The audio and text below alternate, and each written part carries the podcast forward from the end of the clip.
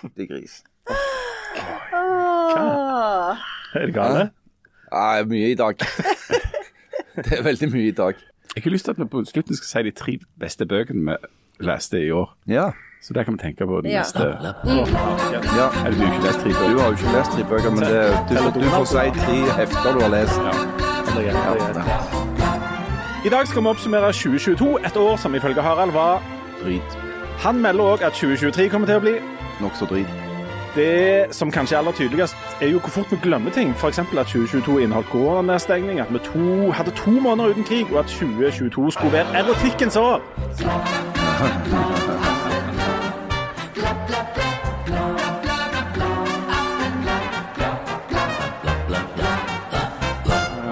I studio i, på det som er en av årets siste dager, sitter altså jomfru Stigen Drangsholt og de tre vise menn eh, Kasper Birkevold, Jan Baltasal og Melkjord Linde.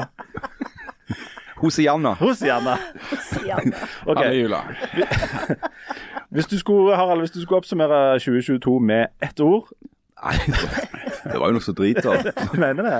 Ja, eh, jeg vil si det at det, det er et ord som på en måte fanger essensen i året 2022. Men husker du mye av det som var drit, eller er det bare en generell følelse av at det var litt sånn eh, Nei, det er jo en ting, del ting som på en måte fester seg, da. Det er jo det. Eh, krig, f.eks. i Ukraina, har jo lett for å feste seg som drit. Eh, Teller det på negative kolonner? ja, det er negativ side. Eh, Strømpriskrisa, typisk drit. Uh, Viking. ja, la oss ikke gå ned den Da. dunkle avenyen der.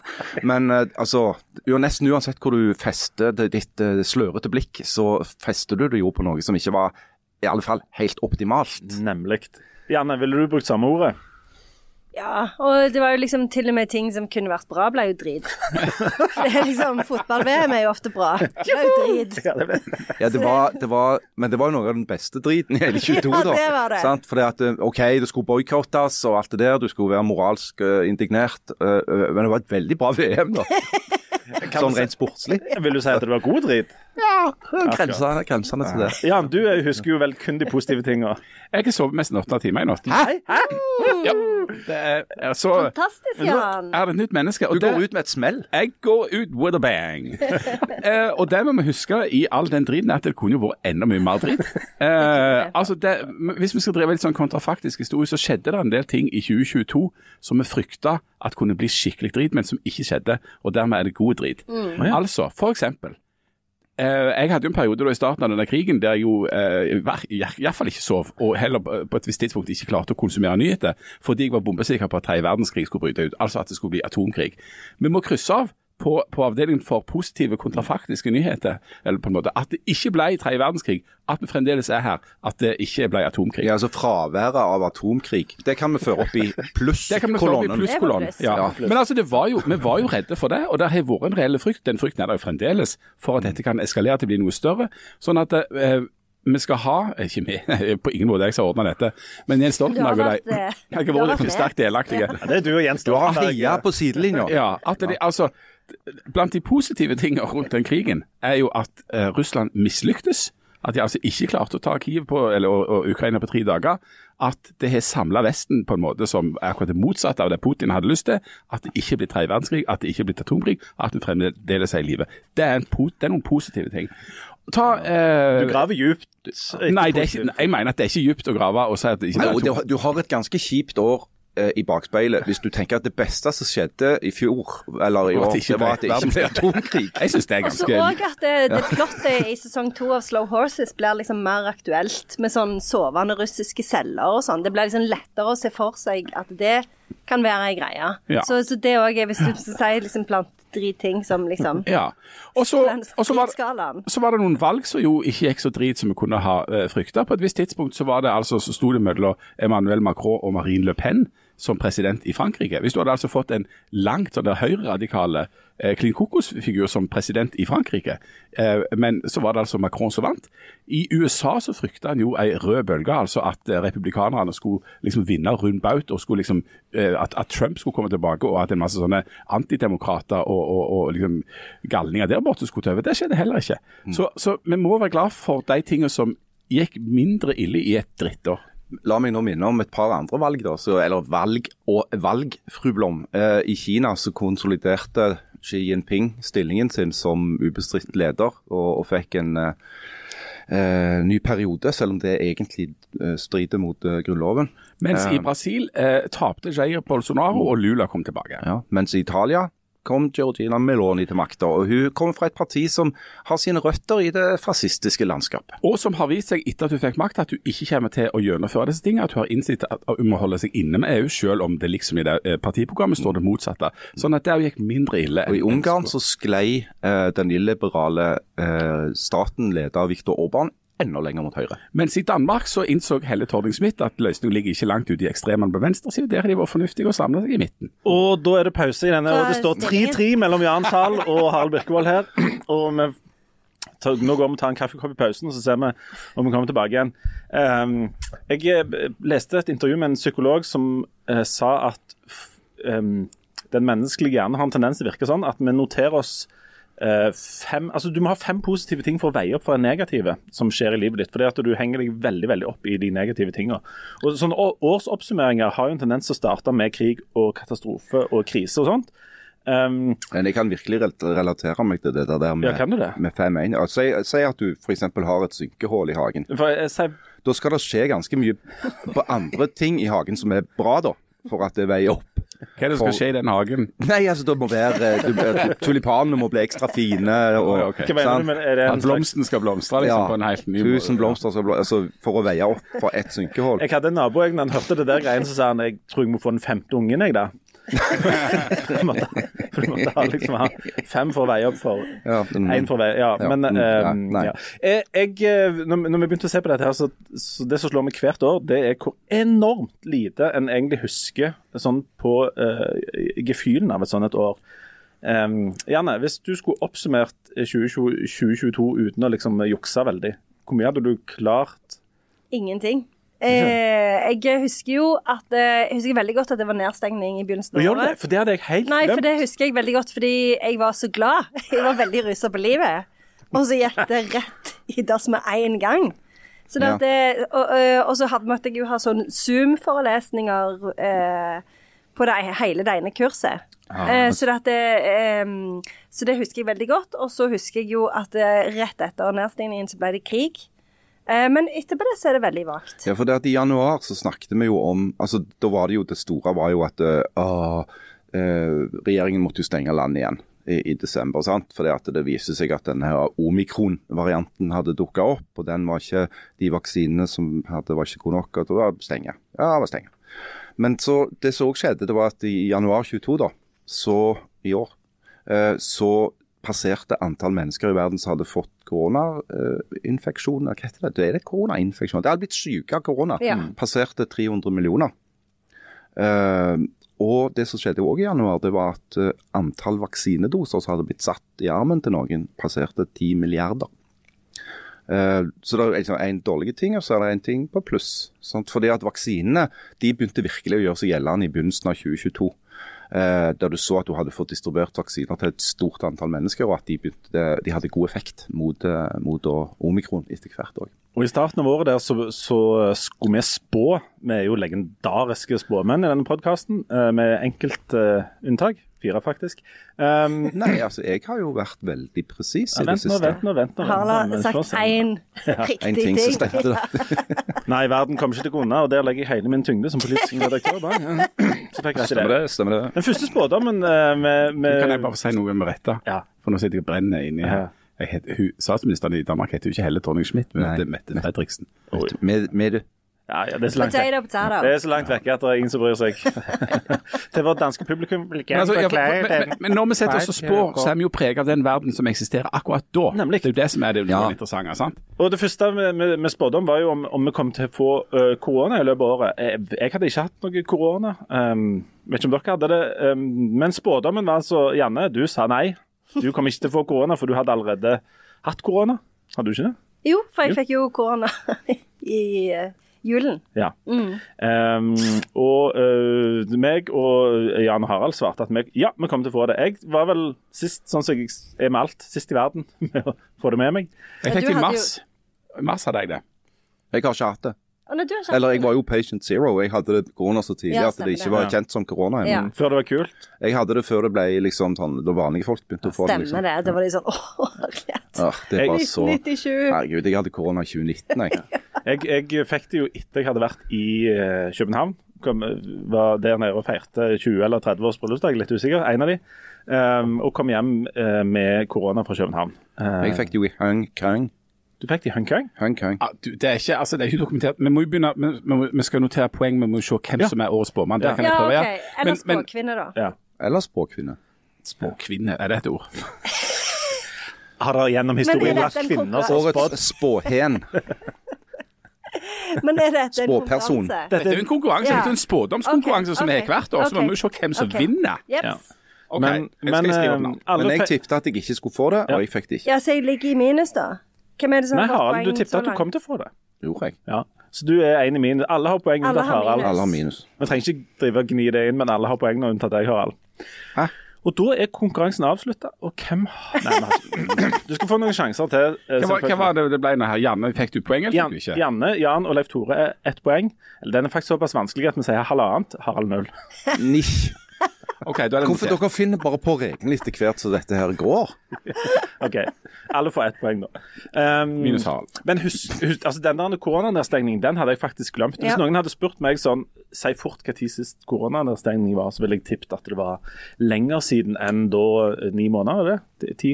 Noe sånt? Ja, men det var den Ja, eneste Når var det det tok var slutt, nedstengningen i Norge? Februar. Februar. Det var før det ble krig. Ja, det var det. Ja. Men, men tingen er at det preger jo allikevel altså Koronaen preger jo i høyeste grad eh, landet og verden da vi spilte inn. Eh, og så ble det jo avslutta disse nedstengningene, men det har jo prega Norge og verden og livet i hele året faktisk etterpå. Altså, eh, Jeg hørte i dag at nå var det en voldsom levering f.eks. av biler. Eh, som altså Produksjonen i Kina har jo ikke tatt seg opp sånn som den skulle, sånn at det har vært en varemangel og, og, og prisøkning. altså Det har vært noe av det som har spilt inn på det. F.eks. For eksempel I kulturlivet så eh, er jo publikum fremdeles Ja, hvis ikke det er noen vaksineskeptikere som hører på nå, så kan de gjerne bare skru på, skru på datamaskinen og se hva som foregår i Kina akkurat nå. Ja. For der åpna de samfunnet uten at de hadde fått vaksinert særlig mange folk. Se Ja, det- hvordan det gikk. Bare, bare kikk litt grann på det. Tenk på det som heter injeksjoner. Det er jo ikke egentlig en vaksine fordi at det er ikke menneske. Nei, for eksempel. Men eh, på julaften så skulle jo jeg egentlig være kirketjener. Skulle ordne køen inn til kirka. Utrolig mye som kan relateres til ditt virke som kirketjener. Jeg vet ikke om jeg har sagt at jeg er det. Nei, du Jo, du har det, ja. kommet i skade for Men fortell det. denne historien. Det er store forventninger. Ja, og så eh, skulle jeg jo ordne køen. Ja, det var jo ingen kø. Hæ? Så når jeg kom, så var de sånn Ja, vi trenger ikke dine tjenester. Og da var det jo de som satt bak meg, pikte meg på skulderen, for de var sånn Ja, men eh, vi hører på Aftenbladet. Hvor, hvorfor sitter du bare der og ikke gjør noe? Så det var jo walk of shame for meg, da. Jeg måtte jo bare sitte der. Ja. Og det er jo fordi, sånn som du sier, kulturlivet har ikke fått tilbake Og de som går i kirke kirka har dødd, eller? Ja, de gidder ikke gå i kirka lenger. De bare sitter Men er det hjemme ikke sånn at når du er kirketjener, så er du jo kirketjener 24-7? Jo, jo. Altså, du kan jo ikke gå inn og ut av den rollen.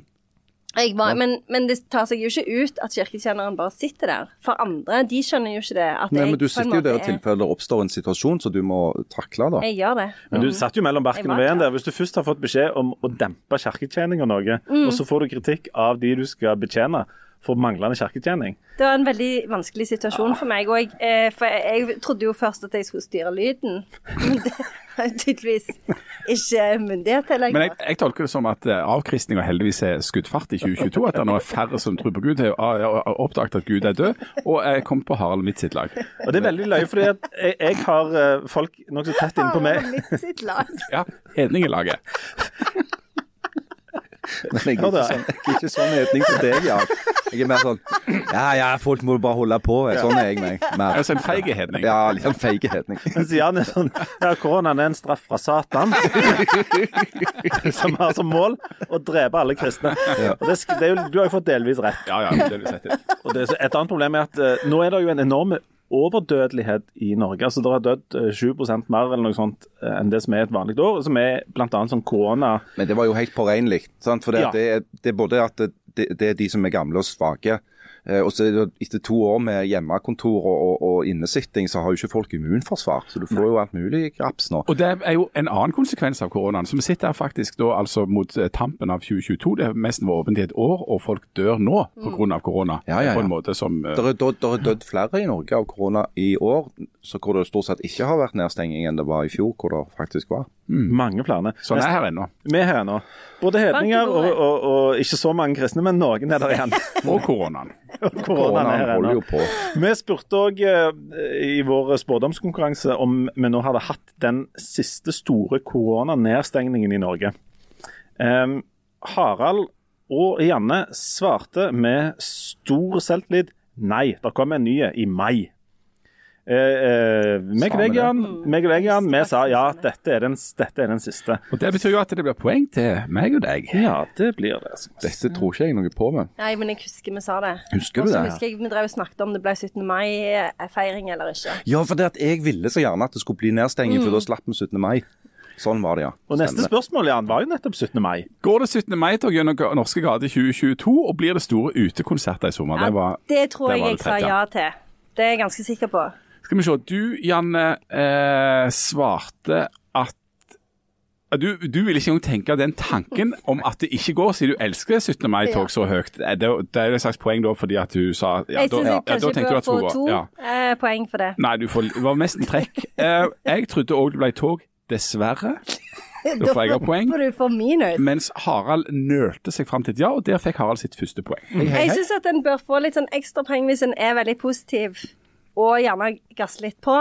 Ah, det er minuspoeng på det. Det er minuspoeng for gassen Du på. kan ikke, få, altså, vi kan ikke avgjøre en sånn en, eh, konkret spådomskonkurranse på entusiasme. Jo, jeg syns det bør være en egen sånn kategori med Ok, ekstrapoeng for vi- entusiasme. Hvis det står helt likt til slutt, Ja. så mener jeg at du kan få kanskje et halvt ekstrapoeng. Ja. for Det mener ikke jeg. entusiasme. Og så var jo Del to av dette var jo dette med om det ble utekonserter. For det, sant, det er jo virkelig til å samle mange folk. Eh, ganske mange titusen kanakas eh, folk på en eller annen stadion. Ja, sånn Eh, Gunsen eller noe sånt greier. ja, og der var det, for dette, da var det jo eh, annonsert vel at Mods skulle komme. Eh, det, Det gjør de jo hvert år. det trodde jeg eh, dessverre at det kom til å bli, eh, men jeg trodde at det ikke kom til å bli Guns N' Roses-konsert.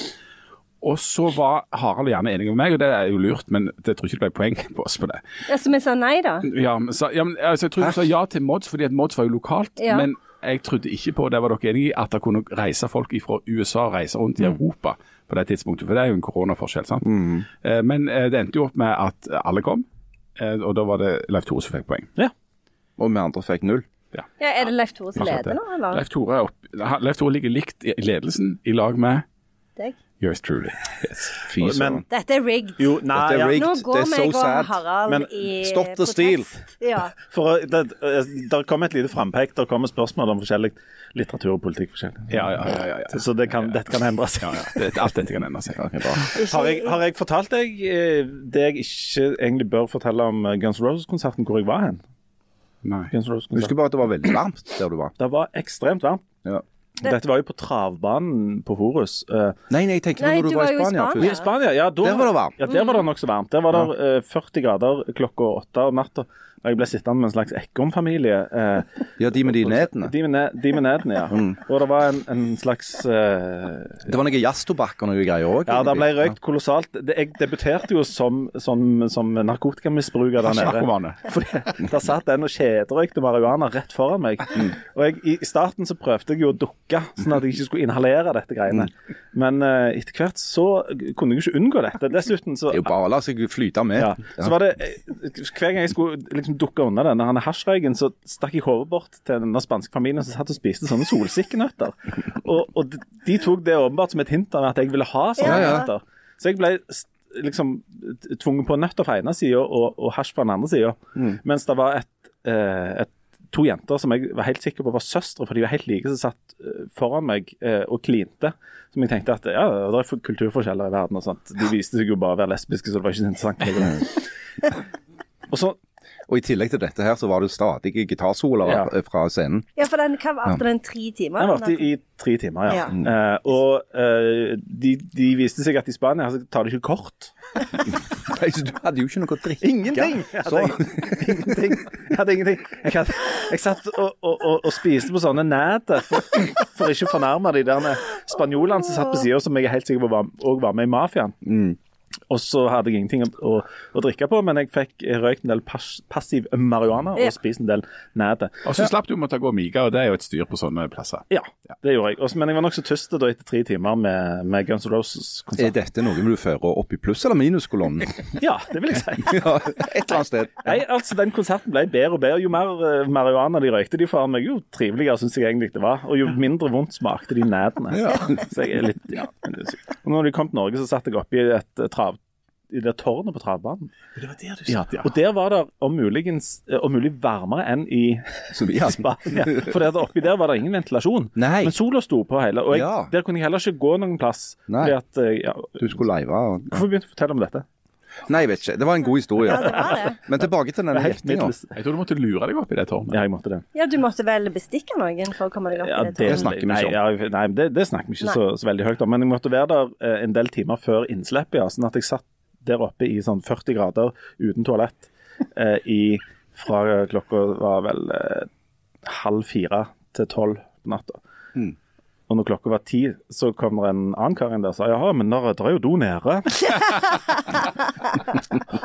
og da hadde jeg gjort ting jeg i hvert fall ikke kan si høyt, på flasker jeg tilfeldigvis fant. Ja. Uansett, skal vi gå videre da, kanskje? Ja, Nå syns kan jeg vi absolutt skal gå videre. Okay, Vi, vi øh, ble jo òg bedt av oss sjøl om å spå om Viking, eh, om de tok medalje. Fordi at, eh, Harald, Ja. dette så veldig lyst ut lenge. Ja, det Med dette idrettslaget. Ja, altså, de hadde, dette idrettslaget hadde jo eh, et eller annet De har fått en eller annen form for piff.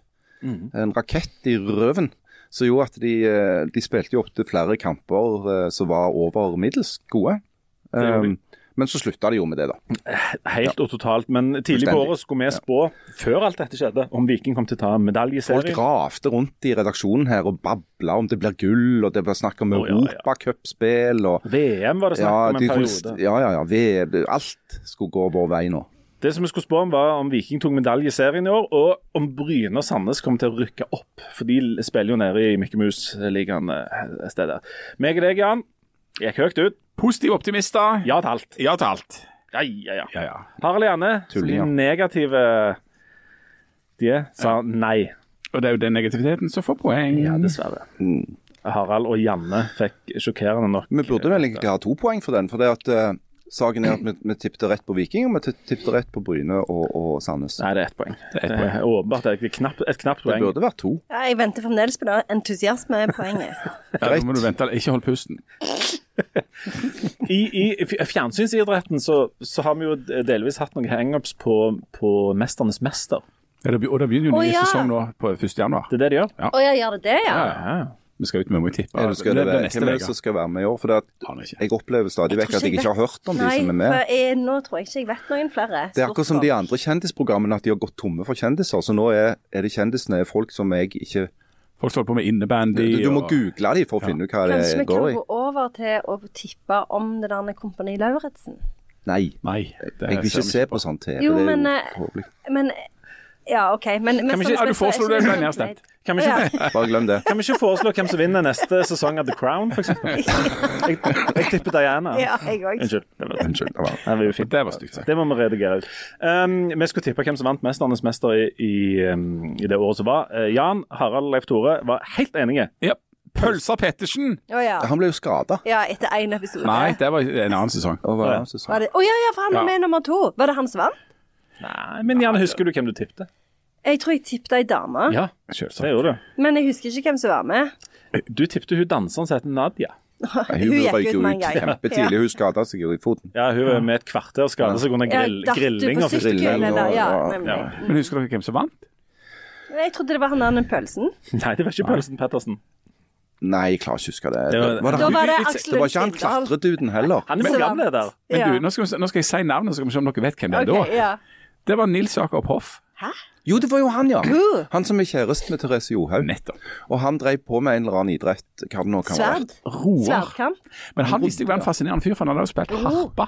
Altså, han er roer. harpist. Men han er, har, han er harpist og roer. Vet du hva, jeg Ja, gidder så er han òg en slags lege. Og så er han lege. Altså, jeg gidder ikke stemme var- meg på han var- harpist, roer og lege. Ja, han var vel ganske ja. kul. Renessansemenneske. Renessansemenneske for Bergen. Ja. Ja, null til alle, da. null til alle. Ja, og knapt nok det. Men bør jeg kanskje få et halvt poeng? Nei, du kan få litt Du du begynner snart å få trekk for denne entusiasmen. Begynner å nærme deg. Du kan få poeng på, på neste spørsmål, som jeg ser du, Jan, ikke har eh, ført opp, men som jeg er helt sikker på tar dette litt fritt for hukommelsen at vi hadde. Og det var nemlig um, Kommer du til å markere erotikkens år? Å, ja. Du, du det, det kommer jo lenger nede. Ja, det var det? det siste Ja, vi spurte meg, det er om. det siste spørsmålet Som alltid. regel. Ja, det er alltid det. som- Ja, det er det vi avslutter med. Og så minner vi om at vi, vi oppfordrer folk til å kombinere frivillighetens og erotikkens Ja, år. du, du, liksom, var- du, du tok punchline nå sånn etter liksom tre, beklager det. Ja. det, det kan egentlig ikke gjentas for ofte. At uh, hvis du skal innføre erotikkens år i ditt liv, så må du òg kombinere det med frivillighetens år. Men frivillighetens år er jo ferdig nå. Ja, hva er det som er nå, da? Men det var jo dette vi skulle diskutere Ja, til Ja, slutt. ok, okay, men vi kommer tilbake til dette. Ja. Vi tar neste spørsmål, da, eh, og det er hva som kom til å bli den store politiske saken i 2022. Uten, og da var det ikke lov å si korona. Ja, og, da, ja, men, og ikke la oss si, men hva tippte Du har altså sittet med fingeren i været her nå, at hva kom til å bli den store politiske saken? Jeg tippet jo selvfølgelig at det ble strømprisen. Ja.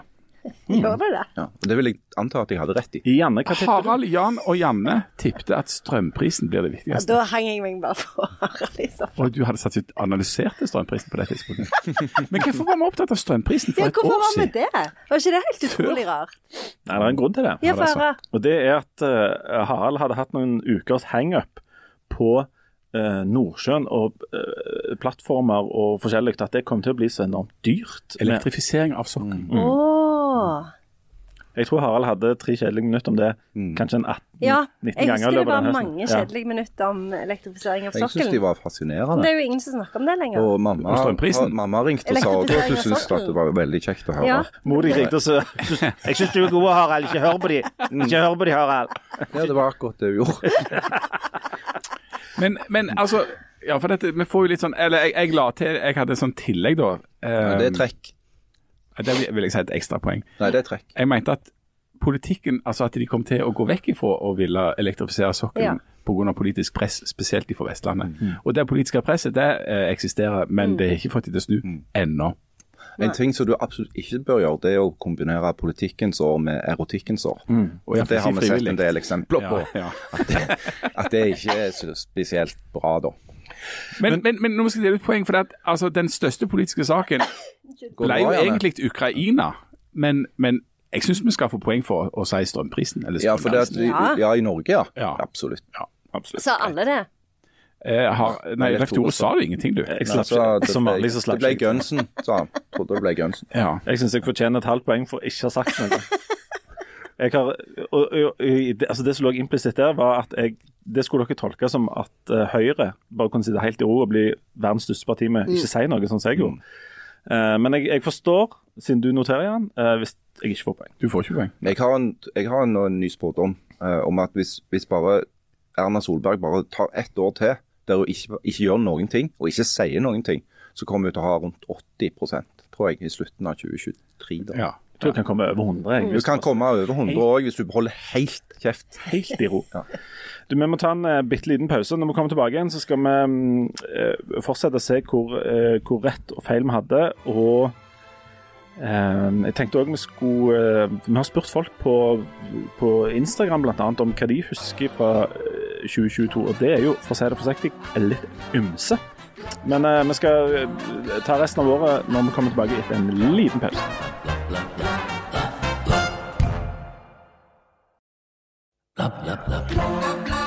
OK. Hjertelig velkommen tilbake til Aftenbladet. Vi, er, vi gjør opp regnskap for 2022 og ser på uh, hvem av oss som er gode og dårlige å spå.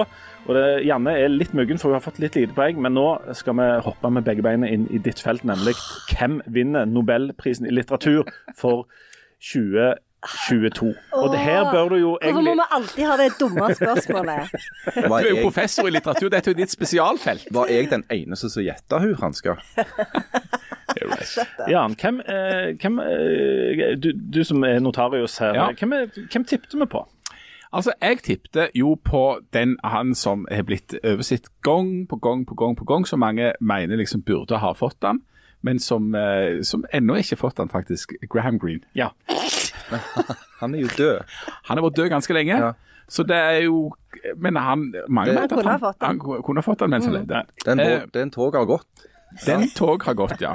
Hvordan er dette med språket? Ja, Ja, det er ikke så godt. Jeg har tett i nesen. Og Og Graham Greene var ikke så nøye på sånn med sånn Han hadde, brukte jo mye sånn språk. den, Ja. den toget. Den togen har gått. Ja. Det var det som gjorde han til en så interessant forfatter. Og du, du Harald, du, du, du tok jo den der norske helgraderingen, som det heter. Ja, var, det, var det Fosse? Ja, Jon Fosse. Ja, det sa jeg bare for løye, da. Jeg mente egentlig oh, ja, mens jeg mente Grand Green helt Ja, jeg mente egentlig at det ble hun franske, da. Mens Janne, Janne gjorde som vanlig. Hun bare dikta opp et navn for å sjekke om jeg visste om det var en forfatter eller ikke. Hvem var det du Jeg sa helt sikkert Gui var Tiongo. Absolutt. Ja. Og det har jeg sjekket, og det er en kommune i Indonesia. You're not fooling anyone. Men, du, men, men du klarte deg ikke med å bare tippe én person, så du tippet i tillegg en person til, som skulle tilsi at du hadde dobbelt så stor sjanse for å ha rett, siden du tippet dobbelt så mange folk som oss andre. Ja, hvem jeg sa da? Margaret Atwood? Ja. ja. Mm. Og jeg, jeg, Hjalp, det? Nei. Nei, det er ikke. jeg gikk vel for kommer aldri til å få den. jeg, jeg gikk for en høyoddser. Ja. ja, for der var det veldig høye odds, Ja, altså. veldig høye odds. Franklin Wee Dixon. Ah, har de guttene? Ja, Ja. Skrivekollektivet. Det er Ja. sånn ti stykker oppå scenen. nemlig. Ja. Ja. Alle fram! Alle! Kom igjen, du òg. ja, men det var ingen som traff på den, altså. Nei. Det, og det ble jo altså Annie Lennox. Ja, det var Annie Lennox, så ære være hun for det. Ja. Jeg er jo født i Lennox, eller gift Du er god i den der 'Sweet Dreams Are Made of Tiss'. Det er god sang. Men Annie er nå for Frankrike vant. Og øh, så skulle vi også se om vi tippe om Jens Stoltenberg ble sentralbanksjef. Og her er det jo Ja. mulighet for å krangle med fasiten. Her oppsto det en interessant situasjon. Fordi Jens Stoltenberg var mange sin favoritt øh, til å bli øh, sentralbanksjef. Og Harald, fikk han jobben? Ja, han fikk jobben. Tok han jobben? Trygve Slagsvold Vedum hadde pressekonferanse og hadde med seg et flott bilde av Jens Stoltenberg, eh, som han hadde oppe på skjermen bak seg, og sa at eh, Jens Stoltenberg har blitt sentralbanksjef. Og så var Jens Stoltenberg med på, på, på, på sånn video på Teams fra Brussel, hvor han da satt uh, som Natos generalsekretær og sa at dette gleder han seg til. Han skulle snart komme. Bare, bare sett over kaffen, så kommer jeg øyeblikk. Ja. Ja, og så var det sånn at spørsmålet her vi stilte var jo blir Jens Stoltenberg sentralbanksjef? ja, og det ble han. Så han ble jo det. Men svaret på det er jo òg nei, det ble han ikke.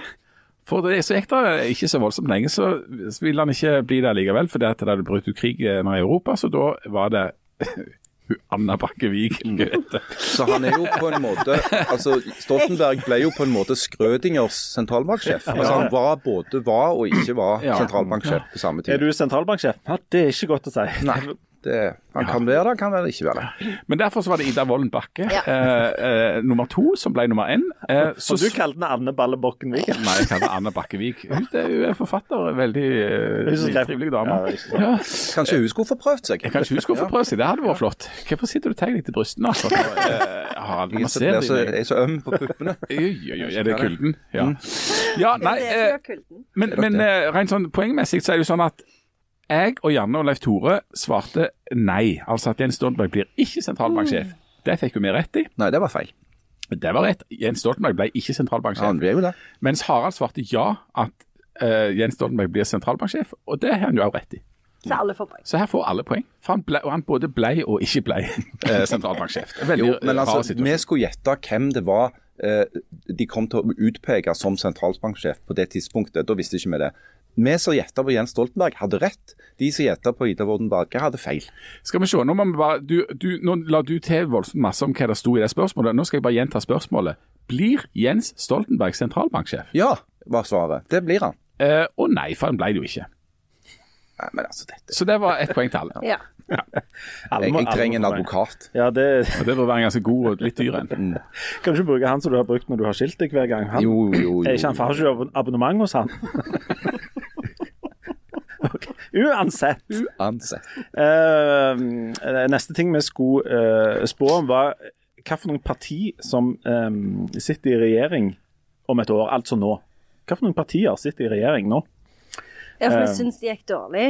Nei, Nei, men De det- hadde jo akkurat satt seg ned når vi Ja. gjetta på dette. Ja, ja, her, ikke nemlig. De hadde De hadde holdt på i et par ja. måneder. og- Stemmer det. Det er jo klart de har seg bare bitte litt upopulære fordi at de Ja, ja. hadde stengt ned Norge igjen. Ja, de hadde stengt ned Norge.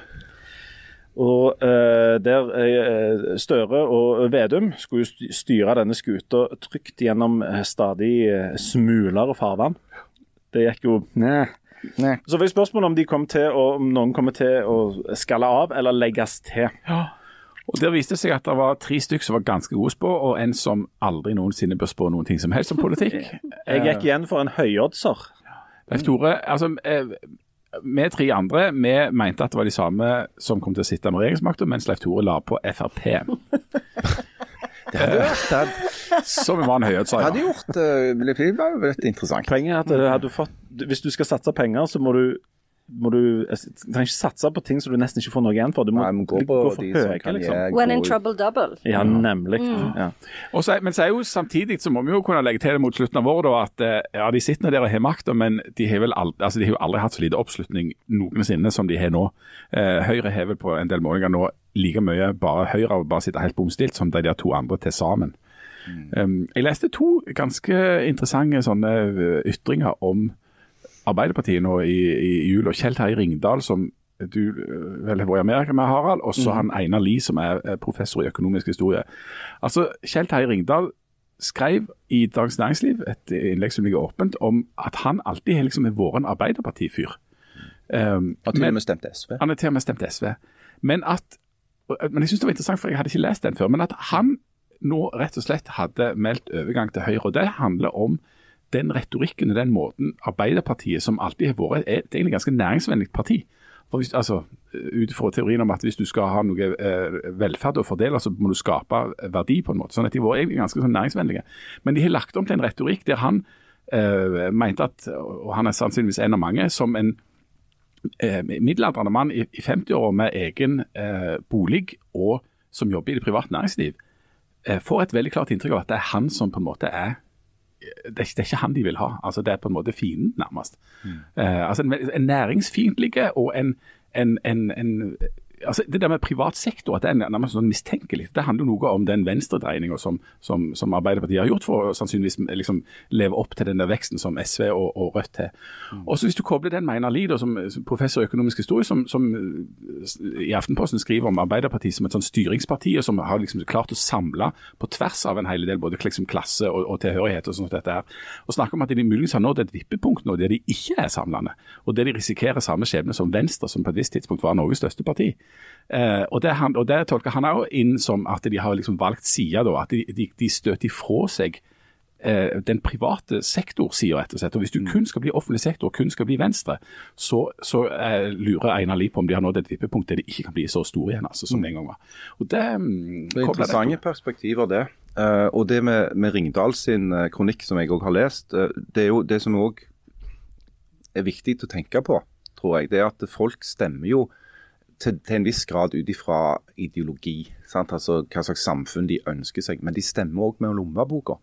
Eh, og det som Ringdal beskriver, er jo at han har på en måte beveget seg over i et sosialt sjikt eh, hvor han føler seg mer hjemme med, at han føler seg mer sett og likt og ivaretatt av Høyre. For det Høyre naturlig nok har mer godhet for de som har eh, mer disponibel kapital. Eh, så, så og det altså, Han har jo på en måte foretatt en slags reise i livet, da, altså fra, eh, som, som mange har gjort. Eh, og Det er jo en tanke du kan gjøre deg. at, at eh, Er det sånn at Norge nå for det at vi har jo i mediene vi har jo skrevet veldig mye i det siste om de som har dårlig råd. ikke sant? Altså De som ikke ble med på denne her reisen til stadig økende velstand. Men samtidig som vi, har, vi skriver om det, så ser vi jo at det, det er jo enormt mange folk i Norge som har enormt god råd. Vi brukte 72 milliarder, var det ikke det, bare på julehandel? 100 milliarder. 100, ok, det stiger hele veien. Og, og nå i disse dager skal vi bruke et antall hundre millioner kroner på fyrverkeri. Um, sånn at Det er jo et sånt strekk i laget. Der er, ja, det er en, en stor og dessverre økende andel som ikke har råd til dette. Men det er òg en enda større del av befolkningen som faktisk har det. Eh, som ikke er særlig altså De er forbanna på strømprisene, for de syns det er dumt å betale så mye strøm. Men det er ikke de prisene kommer ikke til å knekke privatøkonomien deres. Det- Eh, det blir dyrt å dra på hytta, liksom. Ja, men det er veldig interessant at etter en hel høst, etter et helt år der vi har skrevet om disse høye strømprisene og eh, med renteøkninger og at nå er økonomien så enormt vanskelig og tung og sånt, så er vi altså på det nøyaktig det samme nivået i julehandel som vi var Mm. eh, for to år siden, altså pre-korona. I koronaen brukte vi enda mer penger fordi at vi satt hjemme og Syden, ja, sant? til Syden. brukte penger Ja. på å kjøpe alle Ja. Sånn at Den økonomiske krisen er altså ikke verre for folk flest enn at vi bruker akkurat like mye penger på julehandel som vi har gjort før. Hvis du skal overføre Kjell Terje Ringdal til Rogaland eh, og vårt eget fylke, så bor jo folk altså, Så ligner de jo forbløffende mange på han. De, enormt mange bor i enebolig. Eh, og Veldig mange jobber i privat sektor. Veldig mange er på en måte opptatt av, av den der private delen av det. Det er ikke til å undre seg over at eh, Rogaland er et ganske blått og borgerlig fylke. Og med tanke på det lokalvalget som kommer opp nå, så tror jeg eh, så tror jeg Arbeiderpartiet skal slite hvis det ikke skjer noe ganske dramatisk her. Ja, også for det er jo interessant, for han nevner vel eh, i den teksten at liksom de der 750 000, at det er en sånn demonisering av folk som tjener over 750 000, og sammenligner Arbeiderpartiet med han litt sånn krakilske onkelen som sitter og liksom slenger ut. Og det er, jo, det, er jo no, det er jo interessant med den typen retorikk, for den har jo prega eh, både ja, Arbeiderpartiet og, og eh, ja, Og Det er da jeg også syns det er så rart at de som prøver å analysere dette ved å f.eks. snakke om, om klasse i den gammeldagse marxistiske forstand. Det er jo at du, du representerer jo hvis du, har, hvis du har mye, så har du ikke så lyst til å gi det fra deg. Det er jo åpenbart, eh, i alle fall ifølge den teorien. Eh, Sånn at det er jo en kamp, da. Sånn. Men, men det å bruke uttrykket klassekamp i dag ble jo sett på som Hvis du gjør det, så er du jo automatisk veldig radikal. Sant? Men, men i mitt hode så er det sånn at du bare ser kjølig på det og ser at OK, her har du to grupper som har ulike interesser. Eh, de fighter med hverandre. Og den fighten kan du, hvis du har lyst, kalle for klassekamp. Eh, det er ikke verre enn det. Og så er det interessant å bare få blant til min feilopplysning tidligere om Helle Thorning-Schmidt, eller Mette Fredriksen som hun heter. Med Norge så jo til, altså De norske sosialdemokratene så jo til Danmark og var, eh, liksom, hvordan, hvordan kan vi lære av sosialdemokratiet der? For Mette Fredriksen hadde jo suksess der nede og vendte seg da til venstre. Det hun nå har gjort, er altså å vende seg til sentrum og har inngått altså en allianse med omtrent tilsvarende Arbeiderpartiet og Høyre skulle ha gått sammen. Men da er du på en måte midt i det som Einar Lie skriver om, altså at du er i midten i det der eh, statsbærende store samlende i midten. Mens Arbeiderpartiet sitt eksperiment nå i, i Norge har vært en god stund. og prøver å demme opp mot veldig sterke, eh, sterke stemmer og dyktige stemmer ute på venstresida, altså eh, Rødt og SV. Og Så ser vi hvordan det går nå. Så skal det bli å se om de reorienterer seg på et tidspunkt. Ja, det er òg veldig spent på det. Um, I Stavanger, da, eksempel, så har det jo vært eh, en lang periode som nå ligger bak oss, ikke hvor Høyre og Arbeiderpartiet samarbeida uh, i budsjettsammenheng, uh, og det var en slags sånn bred allianse i midten. Eh, der òg valgte jo Arbeiderpartiet med suksess da, å bryte ut, eh, og fikk da tatt makta i Stavanger etter et kvart århundre med Høyre-ordfører. Men de òg ser jo nå Eh, altså, det som er vanskelig å vite, det er jo at hvis du ikke hadde hatt en sånn nasjonal katastrofe for Arbeiderpartiet og Senterpartiet, om det, om det hadde gått bedre da for eh, Ap-laget lokalt her. Eh, men det kan du jo ikke vite. Eh, det som i hvert fall er helt sikkert, er at de blir jo preget av den samme smitten som alle andre eh, av Arbeiderpartiet og Senterpartiet nå gjør. Og så har um, Bak alt dette her så ligger det jo vel de tre tingene som uh, mer enn noe eh, liksom kommer til å um, stå i oppsummeringene av dette året her. Og det er, Vi har knapt vært innom krigen i Ukraina ennå, som har um, som, som vi som hadde jo sånn egentlig ikke kommet lenger enn til januar. det. Men det er, det er liksom alle tings store ullteppe her, kanskje sammen med liksom, koronanachspielet. Eh, og så har vi, så, Som har ført til det som kalles dyrtid. Nemlig at eh, ikke bare noen ting blir dyrere, men omtrent alt blir dyrere eh, ganske fort. Eh, og særlig eh, det strømprisene, som er en sånn faste klump rundt foten til folk. Og uh, det, Dette har vi også snakket om mange ganger, men å styre, altså å være politiker, og særlig sitte og styre i et sånt et klima der alle pilene peker mot deg, da skal du være um, uh, ja, Du skal være god for å få vind i seilene da. Mm, altså, det er jo tre priser som slår inn helt i bunnen av den der kan du si, behovspyramiden. Altså Strøm og mat, og så er det jo renta. Renta. Eh, For det, det går jo rett i på folks disponible inntekt. Eh, Sånn at du har jo dessverre sett i mange land, heldigvis ikke så mye i Norge, da. Eh, altså dette er, så de i Storbritannia kaller heat or eat. altså du, har så dårlig råd at du må velge om du vil spise nok eller om du vil ha det varmt hjemme. Det er en aktuell problemstilling, det er en reelle ting i mange europeiske land nå. Når det er kaldt, så fryser folk. Sånn at og det fører jo òg til masse interessante politiske dynamikk. Um, i, I land etter land så, så, får du en sånn en radikalisering da. Uh, I Storbritannia har det blitt uh, veldig satt på spissen. Hvor, hvor uh, den nye konservative regjeringen til Rishi Sunak har jo utpekt dette som et hovedsatsingsområde nå. Etter disse her 40, hva var det, syv dagene med Liz Truss, hvor hun, hun liksom bestemte seg for å gå full Reagan-Thatcher og og bare drite i de som hadde lite penger. Eh, så har jo eh, Sunak vendt litt mer tilbake til Boris Johnson sin kongstanke om at det, det er jo disse folka som stemte på brexit. Sant? Det er de som stemte Tory for første gang i sitt liv. Selv om de eh, har dårlig råd og, og, og bor i avindustrialiserte områder. Det er de vi må holde varme her vi kan, eller faktisk ja, helt konkret holde varme, eh, for å få de til å stemme på oss på ny. Det er jo en, en annen måte å holde seg eh, varme på når det er kaldt. Eh, det er jo nemlig, Tenker du på erotikkens år? På erotikkens år for ligger voldsomt tett. Ja. Og så gjerne i aktivitet. Ja. Fytti grisen for noe svineri. oh, jeg veldig sliten. Det, det, er interessant at du begynner å stønne bare med Hva slags stønn var det? For i 2021, hør nå, i 2021, 2021 var erotikkens år. Og når vi oppsummerte Men 2020 var det det, eller ja, var det Nei, det var det. Ja. Det var FN eller Bondelaget eller noen som hadde utropt det til det. De som har greie på sånt. Kan ha vært meg. Ja. Uansett, det skulle være erotikkens år. og så når vi oppsummerte det, så fant vi ut at uh, vi muligens måtte ha et nytt for forsøk. så vi utropte like godt 2022 òg til erotikkens år. Ja.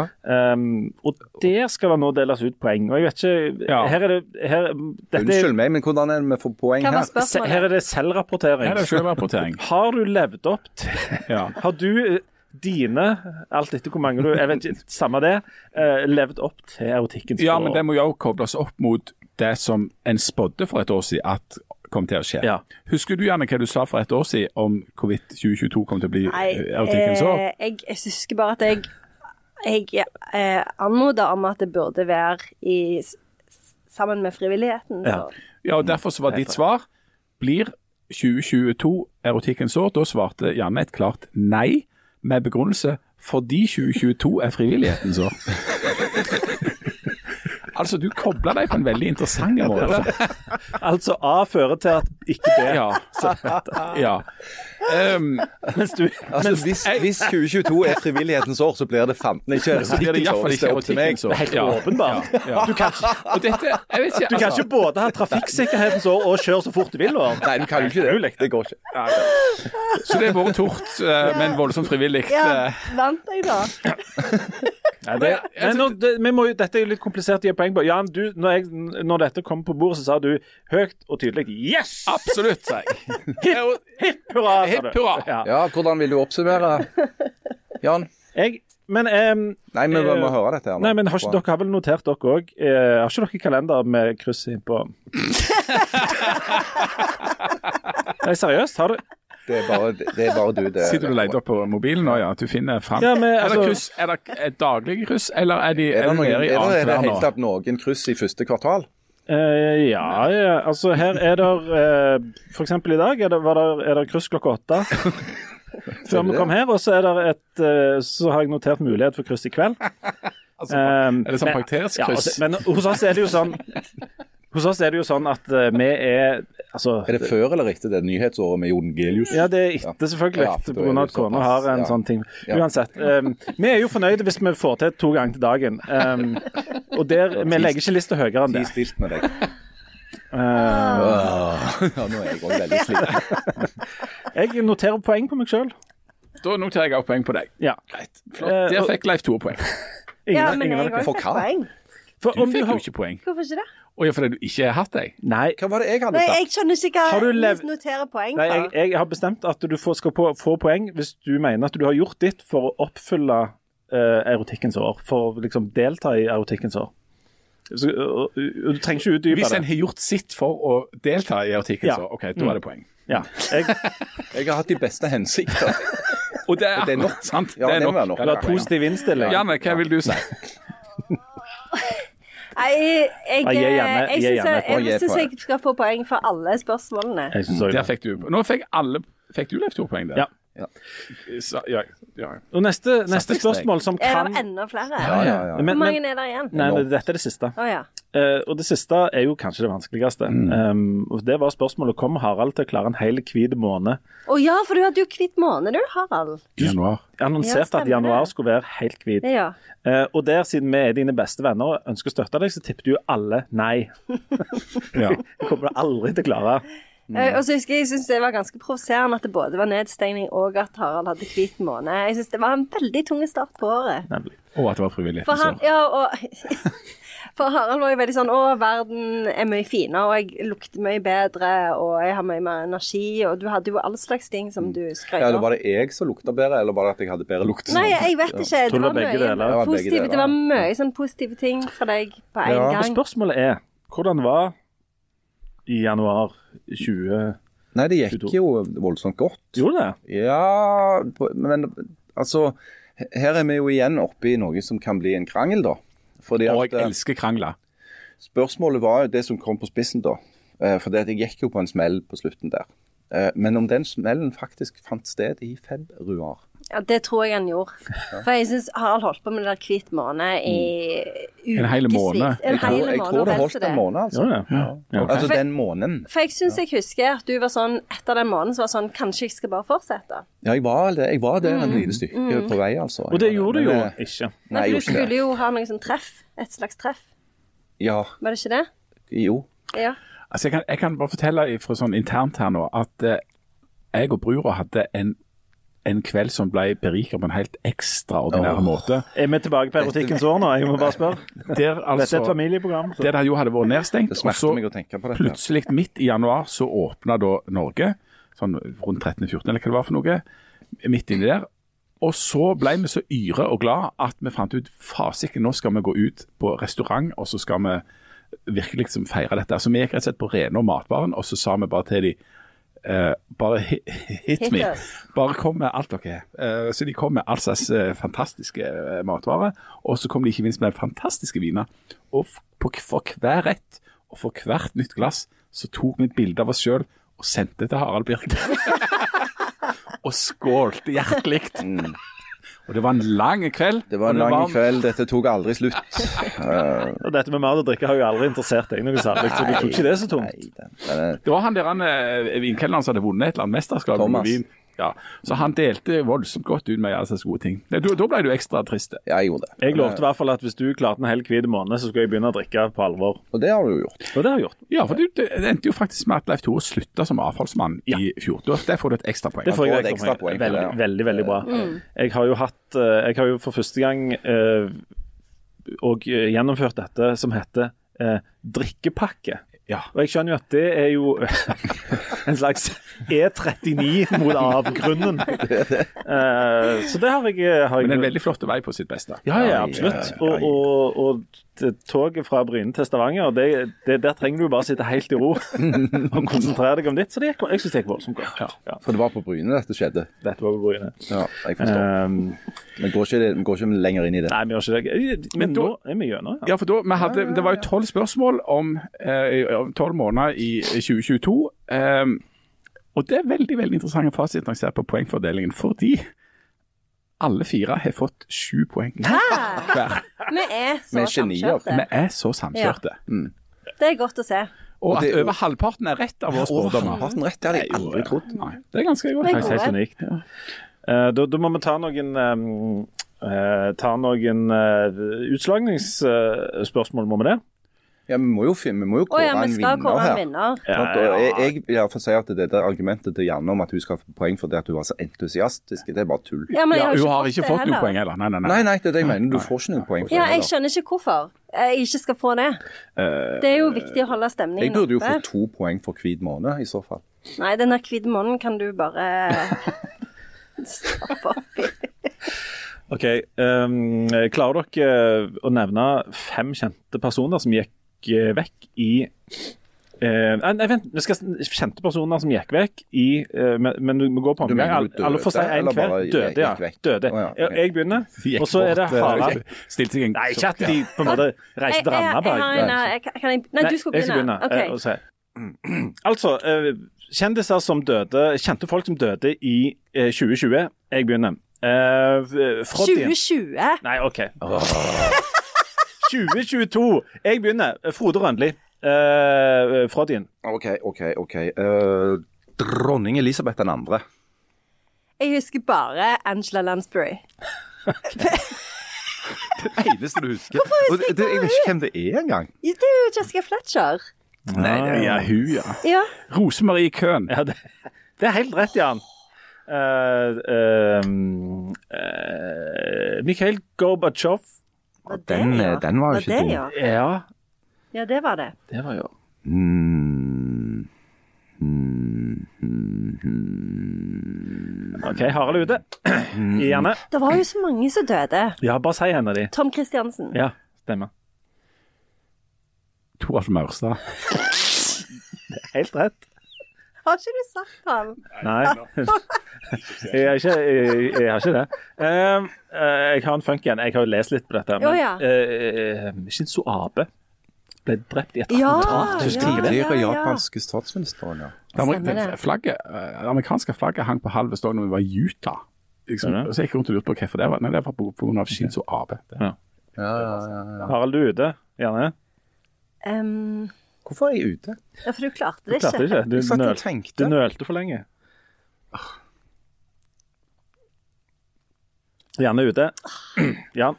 Han som spilte mot Toralf Maurstad i eh, mens vi venter på, på Godot, Espen Skjønberg. Er han? Ja, Espen Skjønberg, faktisk. Mm. Uh, Olivia Newton-John. Å ja. Sven Bertil Taube. Veldig bra. Uh, Meatloaf. Hæ? Ja, jeg tror Ja, jeg mener han, eh, han røyk på et tidspunkt. Uh, fylkesmannen i Ja, det er helt rett. Ja. Jeg, da, Hvem? eh, tidligere fylkesmann, eller ja. Uh, Hæ? eh, Moskva-Marit Christensen. Nei, dette var en sørgelig Ja, det var en sørgelig- Det var en veldig Ja, sørgelig jeg, ute- meg- og deg, eh, Jan, vant. Um, av andre ting som vi ikke har nevnt som skjedde eh, i år, var jo um, OL i Beijing. Uh, Fotball med Qatar. Husker dere at Will Smith fyrte Chris Rock? Ja. Det var jo løye. Det var løye. Husker dere uh, den uh, verdenstrusselen apekopper? Jepp. Den Kom ble- midt i sommer. Kopper, ja. Tror det var juni eller Ja, noe. det gikk litt fort over. Husker dere eh, at det der ble sendt et privatfly fra Norge for å hente opp en gjeng med folk fra Taliban? Ja, det gikk jo. Det kjempegodt. Ja, det gikk jo kjempebra. Så det Feliz Taliban. Ja. De avtalte at, de ikke skulle være så strenge likevel. Nei, Ja, det gikk jo akkurat sånn. Så jenter kan godt få gå på skole. Så kosta det noen millioner å få de opp. Mm. Og den-. Og den, og den tingen som jeg tror eh, folk har brukt mest eller En av de tingene folk har brukt mest energi på i år, nemlig flystreiken. Ja. Eller fly, flystreikene. Altså, det, det, det kokte jo helt. Og Eh, det, kombiner det med det der pass, eh, at ingen fikk pass. Ja. Endelig var korona vi kunne begynne å reise. Da ble det først eh, sånn at ingen kunne få tak i pass. Og når de fikk det, i den grad noen fikk det, så kunne de ikke fly noen plass for alle streiker. Vi snakket mye om, eh, om abortsaken i USA. For Der skjedde det jo eh, dramatiske ting. Det Eh, gjorde det. Den kunne vi snakket eh, lenge om. Eh, Dette var jo òg året der eh, de aller rikeste i Norge var så rike at de ikke hadde råd til å bo i Norge og måtte flytte til Sveits. Ja. Eh, Der skjedde det mye. Eller Livorno, som jeg pleier å kalle det. der, når du skal på hytta, så pleier du alltid å si Livorno. Men det er jo Livorno er jo i Det er jo Lugano. Det er jo Ja, Lugano. men jeg, Pleier alltid å kalle det det. Du som spurte meg på Instagram hva folk huskte fra eh, 2022. Og det er jo mye, veldig mye Ukraina og litt sånn Annus Horribles-ting. Eh, Jon Kenneth eh, sier inflasjon, økte renter, strømpriser, drivstoff, krigen i Ukraina. Um, Drit, med andre ord. drit. ja. Eh, Så er det ei som er anonym, som sier at eh, nei, hun brukte 2022 til å flytte fra han hun har levd med i 35 år. Endelig. Oh, ja, så det Det er litt sånn, ja, Hvis det er gladsalg, ja, ja. så good for you. Ja, plusskolonn. Ja. Ja. Ei som melder at det var et bånn år, men de overlevde ei ganske stygg trafikkulykke. Så de hadde englevakt på det. Ja, det er jo Good for you. Plusskolonn. Veldig bra. veldig bra. Uh, Tale sier at det mest sjokkerende med 2022 var at Janne påsto at 'Happiest Season' var en bra film. Janne pleier å ha rett, og hvis jeg ikke er enig med hun, pleier jeg eh, tenker at hun har sikkert rett likevel, fordi hun er på et mye høyere intellektuelt nivå enn meg. Men Happy Season finnes ikke intellektuelt. Du må ta, det er noe skikkelig Netflix-møl, så denne gangen har jeg rett. Det som er, er mest dårlig med Happy Season, for jeg har sett den på ny i år, det er jo at alle har sånn kjemperare parykker. Eh, på seg. Men utenom det så syns jeg eh, den er bra, og spesielt Daniel Levy. Om jeg kan si en ting nå. Ja. Om det var du, Janne, som anbefalte den der Glass Onion. Nei, Nei, sant? jeg sa at jeg gleder meg til den, men Den den var ikke er så enormt dårlig! Ja, men jeg anbefalte den aldri. Jeg sa jeg gleder meg Det er noe av det verste rælet jeg noensinne Den har sett. ganske Den var ganske Og den har fått skikkelig bra Den har fått kritikk. skikkelig bra kritikk, Ja. for at eh, kritikere er jo Vi har jo noen av de i rommet. håpløst. Ryggesløse Ja. amøber Ja. eh, som tror at det er bra bare fordi Daniel Craig Ja. er med. Nei, men jeg synes eh, hvis noen skal se den Eller de bør jo se einen heller, hvis de ikke har Ja, sett de bør bare ikke Nei, se Jo, men har du sett Knives Out? Ikke se det. Ja, men har du sett Jeg, én? Så, jeg mener at jeg skrev kritikk av det, og ikke ga det så god kritikk. Han fikk bra i Aftenbladet, tror jeg. Gjorde han det? Ja. Nei. Ikke se det. Uansett. Fikk bra i Um, Guardian, fikk bra i NRK, fikk bra bra. New York Times. Ja. du, Aud Wenche skrev til oss Idiot. at eh, hun starta året med en begravelse med 50 gjester. Og De satt så langt fra hverandre i kirka at det føltes som at de konstant sang solo. Og Nærmere avslutning sto de tett i tett på bøker og børst og sang 'Deilig av jordens ølglass' og sukka i fryd. Åh, Og det er en fin ting. det er en Eh, god ting. Ja. Samtidig så husker selvfølgelig um, Ukraina um, vaksiner og vår forbløffende evne, evne til å glemme alt og legge ting bak oss, som er jo er herlig. Men um, vi må kanskje avslutte dette med Ukraina, for det er jo den store saken i verden som vi har vært innom eh, litt sånn her og der. Mm. Og det var jo faktisk eh, eh, det, ble jo rasla med sablene når vi skulle spå om 2022, altså øh, julen for et år siden. Men det var jo ingen av oss som, som egentlig trodde at Putin skulle gå inn i Ukraina. Altså, Vi hadde det ikke på spørsmålslista engang. for, for, for ett år siden så var det jo sånn at de som virkelig trodde dette, var jo militære analytikere. Eh, som hadde advart ganske lenge. Amerikansk militærinterretning og Nato eh, hadde informasjon, eh, konkret informasjon om troppeforflytninger nær grensen til Ukraina, både i Russland og i Hviterussland, som vanskelig kunne forklares eh, på noen annen måte enn at de planla en invasjon. Eh, men så er det jo sånn at du ønsker jo at det skal være feil. Du ønsker jo at det eh, skal være f.eks. som noen sa, nei det er bare skremselstaktikk. Det er bare for å øke presset. Eh, Det, det er for å presse Nato til å erklære at Ukraina aldri kommer til å bli medlem osv. Eh, Men i ettertid så kan du se at eh, det skjedde jo akkurat altså Alt som Vladimir Putin sa, eh, alt som han gjorde, alt tyda jo på at dette, dette kom. Og, og allikevel så kom det som en overraskelse. Eh, og det viser vel kanskje at vi, vi vil jo i det lengste liksom la være å tro på at det verste kan skje, tenker jeg. Og til og med den dagen eh, på en måte dette starta, eh, så tenkte jeg at OK, nå, er de, nå har de liksom trykt på den knappen, men, de, men dette kommer til å gi seg fort. Dette er liksom bare et sånn et eh, sånn Putin-signal på at jeg er ikke redd noen, og Nato fucker off og sånt. Husker du gjerne den dagen dette begynte? Om du, Havner du i sånn krigsmodus? Jan, du Ja, havner jo i krigsmodus Jeg, var, jeg husker at jeg delte Jan sine følelser, at jeg var veldig redd. Og at jeg var veldig redd og tørde ikke se på nyheter. Og, eh, men eh, ja, jeg, jeg er veldig redd ennå. Jan, du eh, er jo vår ekspert på atomfrykt og eh, næringstider. Samtidig starta du denne sendingen med å være nokså sånn positivt overraska oppi all elendigheten. Ja, jeg var jo det. Jeg er jo det eh, på et vis. ehm, Og som sagt, det har jo ført til akkurat det motsatte av det som eh, Putin satsa på og håpte på. Eh, Og så har jo ingenting egentlig gått sånn som han hadde tenkt. Det var en enormt lang sak i New York Times der de gikk gjennom alt det som hadde gått galt. og den, Det er en lang sak og en grundig sak.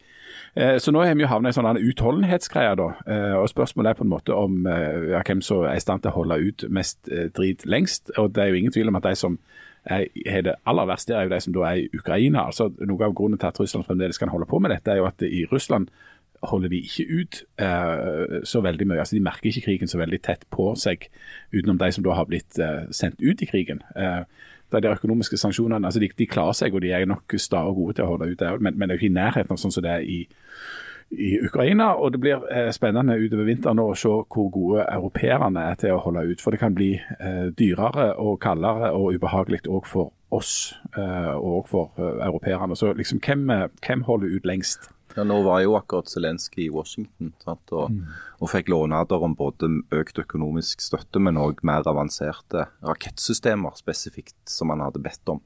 Eh, og Det blir jo som vanlig da møtt av, eh, av russiske argumenter om at dette bare vil føre til en eskalering og en ytterligere opptrapping av, av krigen. Og det, alt tyder jo på at dette dessverre kommer til å dra ut. Eh, jeg er veldig pessimistisk når det gjelder en fred i Ukraina i år. Eller nei, i 2023, mener jeg. Mens jeg ø, ikke kan forstå at Altså, Vi får håpe at det er bitte litt rasjonalitet igjen. men Nå er vi jo på sporinga for neste år. Det skal vi gjøre neste uke. Ja, Vi vi sparer det til da. Vi, Ja. vi sparer det til da. Det var en litt sånn trist måte å slutte på, men, Ja, men eh, altså, krig i Europa er ganske trist greie, altså. Ja, det, det, det, det som jeg tenkte på, når, når vi går gjennom alle disse tingene her, så, så er vi mm, Altså, Vi er jo positivt eh, anlagte folk og ser alltid lyst på ting. Særlig Jan etter han har sovet mer enn tre timer. Vi er voldsomt positive. Men eh, det som jo er realiteten i, eh, rundt oss, og som jeg tror mange folk merker på, er at eh, det der, denne lysningen som skulle komme etter koronaen, liksom var ferdige. Den fikk vi jo egentlig ikke, fordi at vi gikk rett inn i eh, litt sånn ny type elendighet. Og det tror jeg eh, Og det er det mange, bl.a. økonomer, som spår at når januar, februar og mars og sånn kommer, så kommer dette litt sånn med full tyngde. Um, og uh, igjen, vi skal spå om, eh, om året neste uke, men uh, det er en del sånn mørke skyer i horisonten ennå. Så vi får grave etter noe, noe positivt. Um, Ja, så er det vel Hvis du sitter og hører på dette i Norge, det regner jeg med at de fleste som hører på denne postkassen gjør, uh, så må du jo prøve av og til å lukke øynene og tenke på hvor vanvittig flaks du har hatt som bor her, og ikke f.eks. der. Og ikke minst så har jo jeg Nå har jeg sjekka litt, og øh, neste år er jo faktisk, hold deg fast, erotikkens år. Og Nei, jo, er det det igjen? Ja, ja, det viser seg at det er Bare forlenga. erotikken, så. Ja, De måtte forlenge Ja, det. ja, ja. Forfatterforeningen eller. Bondelaget eller de som, de som Ja. organiserer dette, har faktisk bestemt at 2023 òg er erotikkens år. Oi, oi, Ja. oi, oi, oi. Men dette kommer vi inn, altså For neste sending så skal vi jo spå framover. Da skal vi også spå eh, og da, håper jeg jo at dette blir et av spørsmålene. Det blir Men et av skal vi bare avslutte med at Harald sier at vi kan være glade at vi, at vi bor her og ikke det? Er det liksom det beste vi klarer Det- jeg tror det. positivt? Ja. Jan sa vi skulle snakke om de tre beste bøkene vi har lest. ja, det kan vi gjøre. Hvor er det? Ja, ja. er, Vi tar det som et sånt em, bonusspor. Ja, Ja, OK. Bonusspor. Um, eh, etter, etter, denne, etter liksom denne avslutningsmelodien er gått, så kommer bonussporet. De tre beste bøkene vi har lest eh, i år, inkludert eh, eventuelle Donald-hefter. Men eh, til, til dere som ikke vil ha det, så sier vi eh, godt nyttår. Takk for, eh, takk for i år. Det er for tidlig å si godt nytt. Du sier takk for det gamle. Takk for det gamle, heter det. Så feiler deg. ja. Gledelig jul. Du burde Gledelig. lese seg Gledelig romjul. Gledelig romjul. Felix Navidad. Jeg har hørt at i USA så kaller de for The Dead Week. Ja. Ja. Husk å ikke kjøpe fyrverkeri. Det er bare tull. Ja, Sitt på hendene og spar de pengene. Sitt på hendene, spar de pengene. For det at i januar-februar så kommer de kommunale avgiftene. Husk på det. Ikke bruk penger på fyrverkeri. Det er sånn felles fyrverkeri. Veldig bra. Ok, Da eh, skal vi ta de, de tre beste bøkene. Eh, alle har lest mer enn tre bøker. Ja, tre av oss, i hvert fall. Ja, jeg har lest tre bøker, jeg òg. Ja. Ja, ja. Så da ble jo det de tre beste. ja, det blir antageligvis de tre beste. Hvem var det som initierte dette? Det var Jan. Jan, kanskje da kan du begynne med meg. Ja, da skal vi ta Ja, vi kan ta sånn ei hver. Ja. På sånn runde. Ja. Uh, OK. Uh, Mathias Fallbakken, stakkar. Mathias Fallbakken er en enormt kul forfatter som skriver litt sånn annerledes type bøker. og Dette er en sånn løgnersbok. Voldsomt godt skreven. eh, En slags bister form for humor. Uh, veldig rart og veldig fint.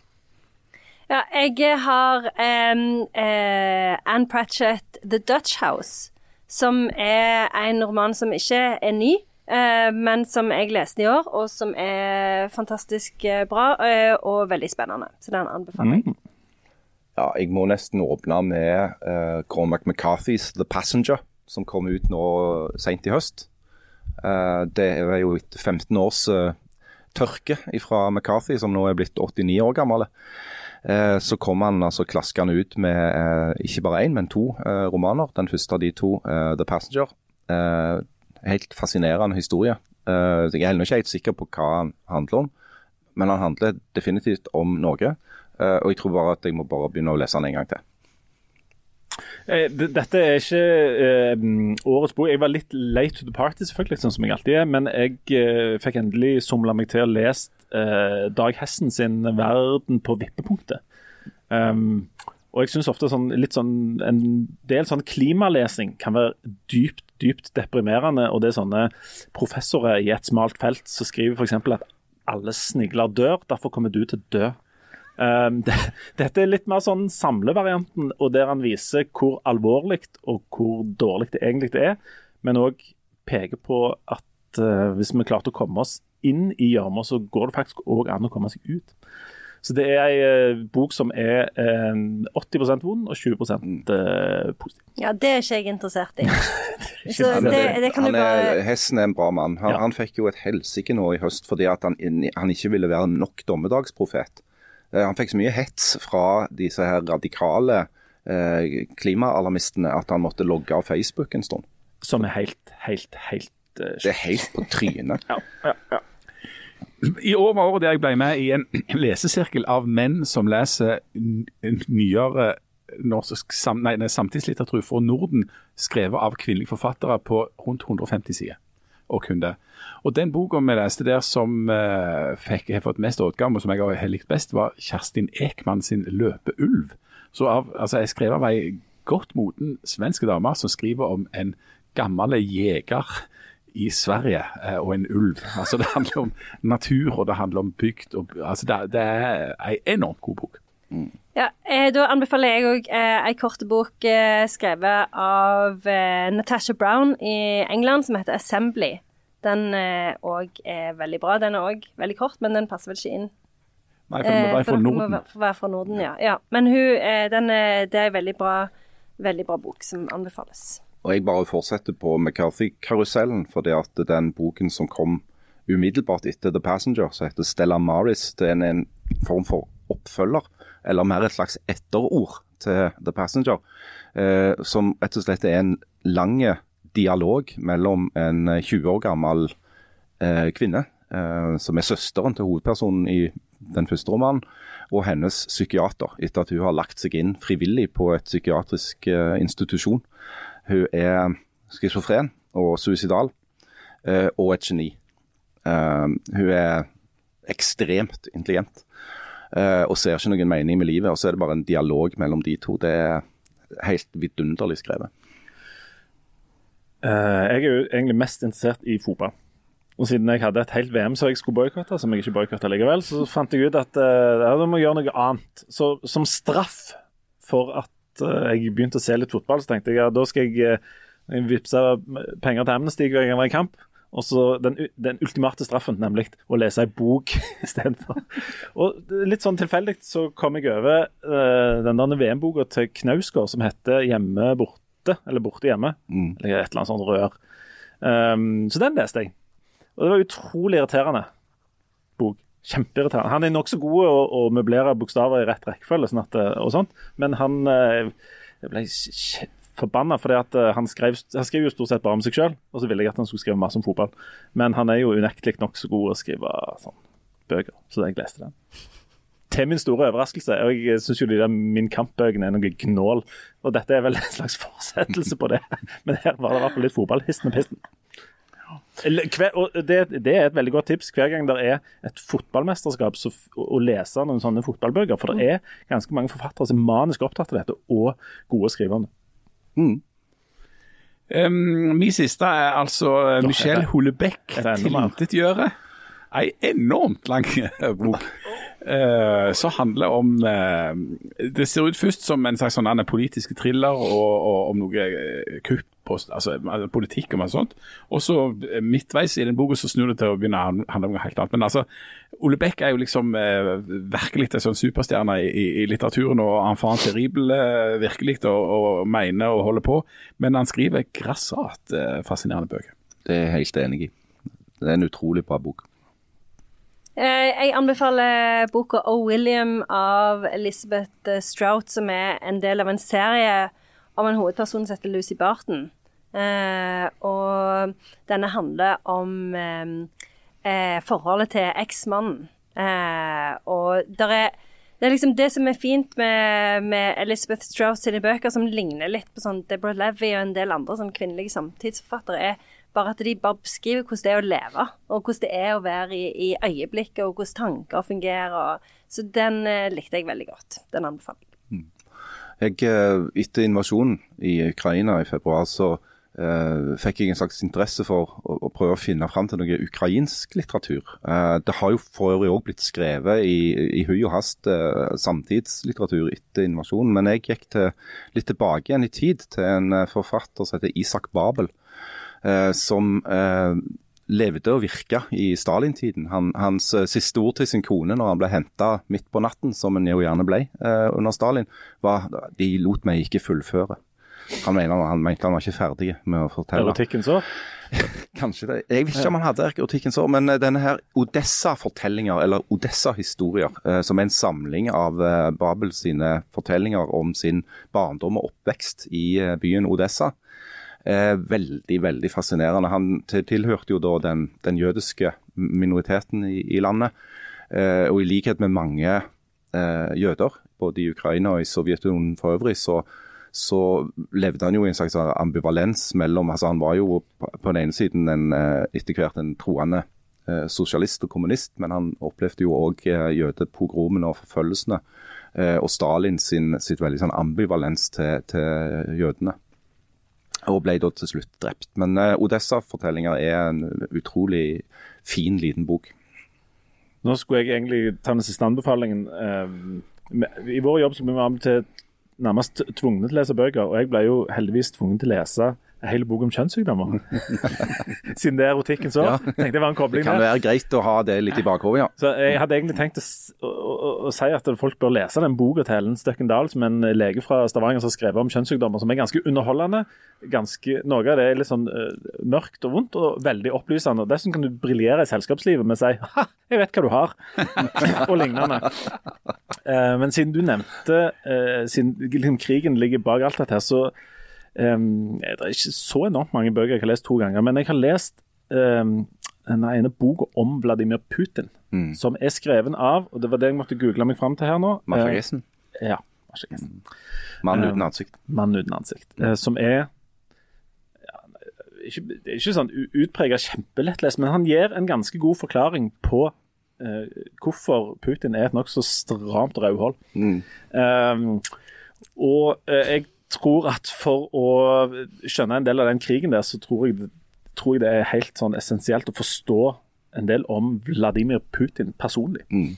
Hva er det som får han til å tikke og gå? Nemlig. Mm. Uh, og det viser seg jo å, å være de underligste ting. Um, han er en ganske kjip type, han der. Han er en ekstremt kjip type som uh, er, er, opptatt av uh, seg sjøl, posisjon og makt og alt dette her. Men, men den boka er den boka er veldig god, så les den.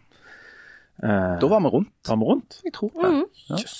Her har det vært mye kvalitetslitteratur som har blitt trukket fram, altså, det må jeg bare si. Så de kan bare, disse her andre konkurrerende kulturprogrammene kan bare gå og legge seg. Ja, det kan de. Det kan de. Det var ja, godt oppsummert. Vel, eh, kan vi runde av, da? Mm. Da kan vi runde av.